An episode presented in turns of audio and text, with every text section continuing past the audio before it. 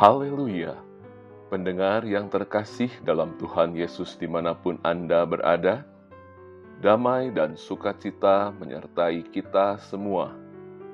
Renungan sauh bagi jiwa yang disajikan gereja Yesus sejati berjudul Terlambat. Dalam nama Tuhan Yesus membacakan renungan firman Tuhan. Terlambat jika tuan rumah telah bangkit dan telah menutup pintu, kamu akan berdiri di luar dan mengetok-ngetok pintu sambil berkata, "Tuan, bukakanlah kami pintu." Dan ia akan menjawab dan berkata kepadamu, "Aku tidak tahu dari mana kamu datang." Lukas 13 ayat 25.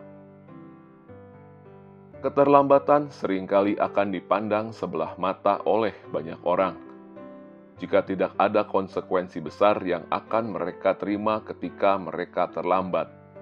Contohnya, ketika kita masih sekolah, ada di antara kita yang mungkin dijuluki raja terlambat. Karena begitu seringnya kita datang terlambat ke sekolah. Namun, berbeda jika ada konsekuensi yang besar saat kita datang terlambat. Misalnya, ketika kita akan bepergian jauh menggunakan pesawat. Maka kita pun akan mengatur waktu sebaik mungkin agar tidak terlambat untuk tiba di bandara. Begitu kita terlambat, tiket perjalanan yang sudah kita beli akan hangus. Dan kita juga akan mengalami berbagai kerugian karena akomodasi yang sudah kita booking juga akan hangus dalam kehidupan rohani, keterlambatan dapat memiliki konsekuensi yang jauh lebih besar daripada keterlambatan naik pesawat, yaitu tidak bisa memperoleh keselamatan dari Tuhan. Dalam Injil Lukas pasal 13 ayat 24 dikisahkan mengenai sebuah pintu yang sesak, yaitu pintu menuju kerajaan surga. Dan dalam ayat 25 dikatakan bahwa akan ada saat di mana tuan rumah akan bangkit dan menutup pintu tersebut. Tuan rumah merujuk pada Tuhan, dan pintu yang dimaksud adalah pintu keselamatan. Jadi, akan ada saat di mana pintu keselamatan menuju kerajaan surga itu ditutup oleh Tuhan. Saat ini, pintu keselamatan masih terbuka lebar bagi setiap orang masih ada kesempatan bagi kita untuk bertobat selama kita masih bisa bernafas dan Tuhan belum datang untuk kedua kalinya.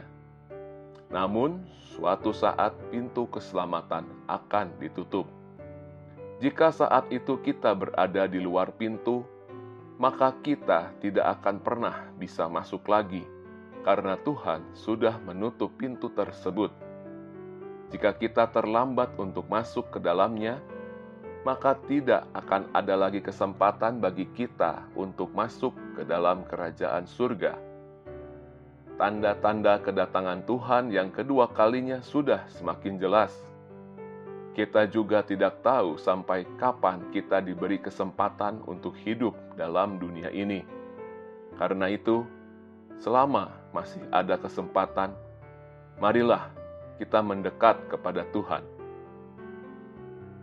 Jika kita belum memiliki waktu doa dan belum membaca Alkitab setiap hari, mari kita mengatur waktu doa kita dan mulai membaca Alkitab setiap hari. Jika kita belum secara rutin beribadah pada hari Sabat, mari kita mengatur waktu kita untuk dapat beribadah jika kita mendengar nasihat firman Tuhan dan belum melakukannya, mari kita berusaha untuk menerapkannya dalam kehidupan kita sehari-hari.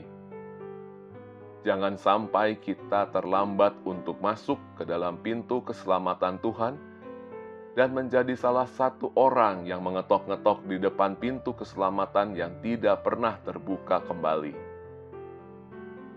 Jika kita sudah melakukan semuanya itu, tetaplah melakukannya dan jangan pernah meninggalkan itu semua, agar kita tetap berada di dalam pintu keselamatan Tuhan. Tuhan Yesus menyertai kita semua. Amin.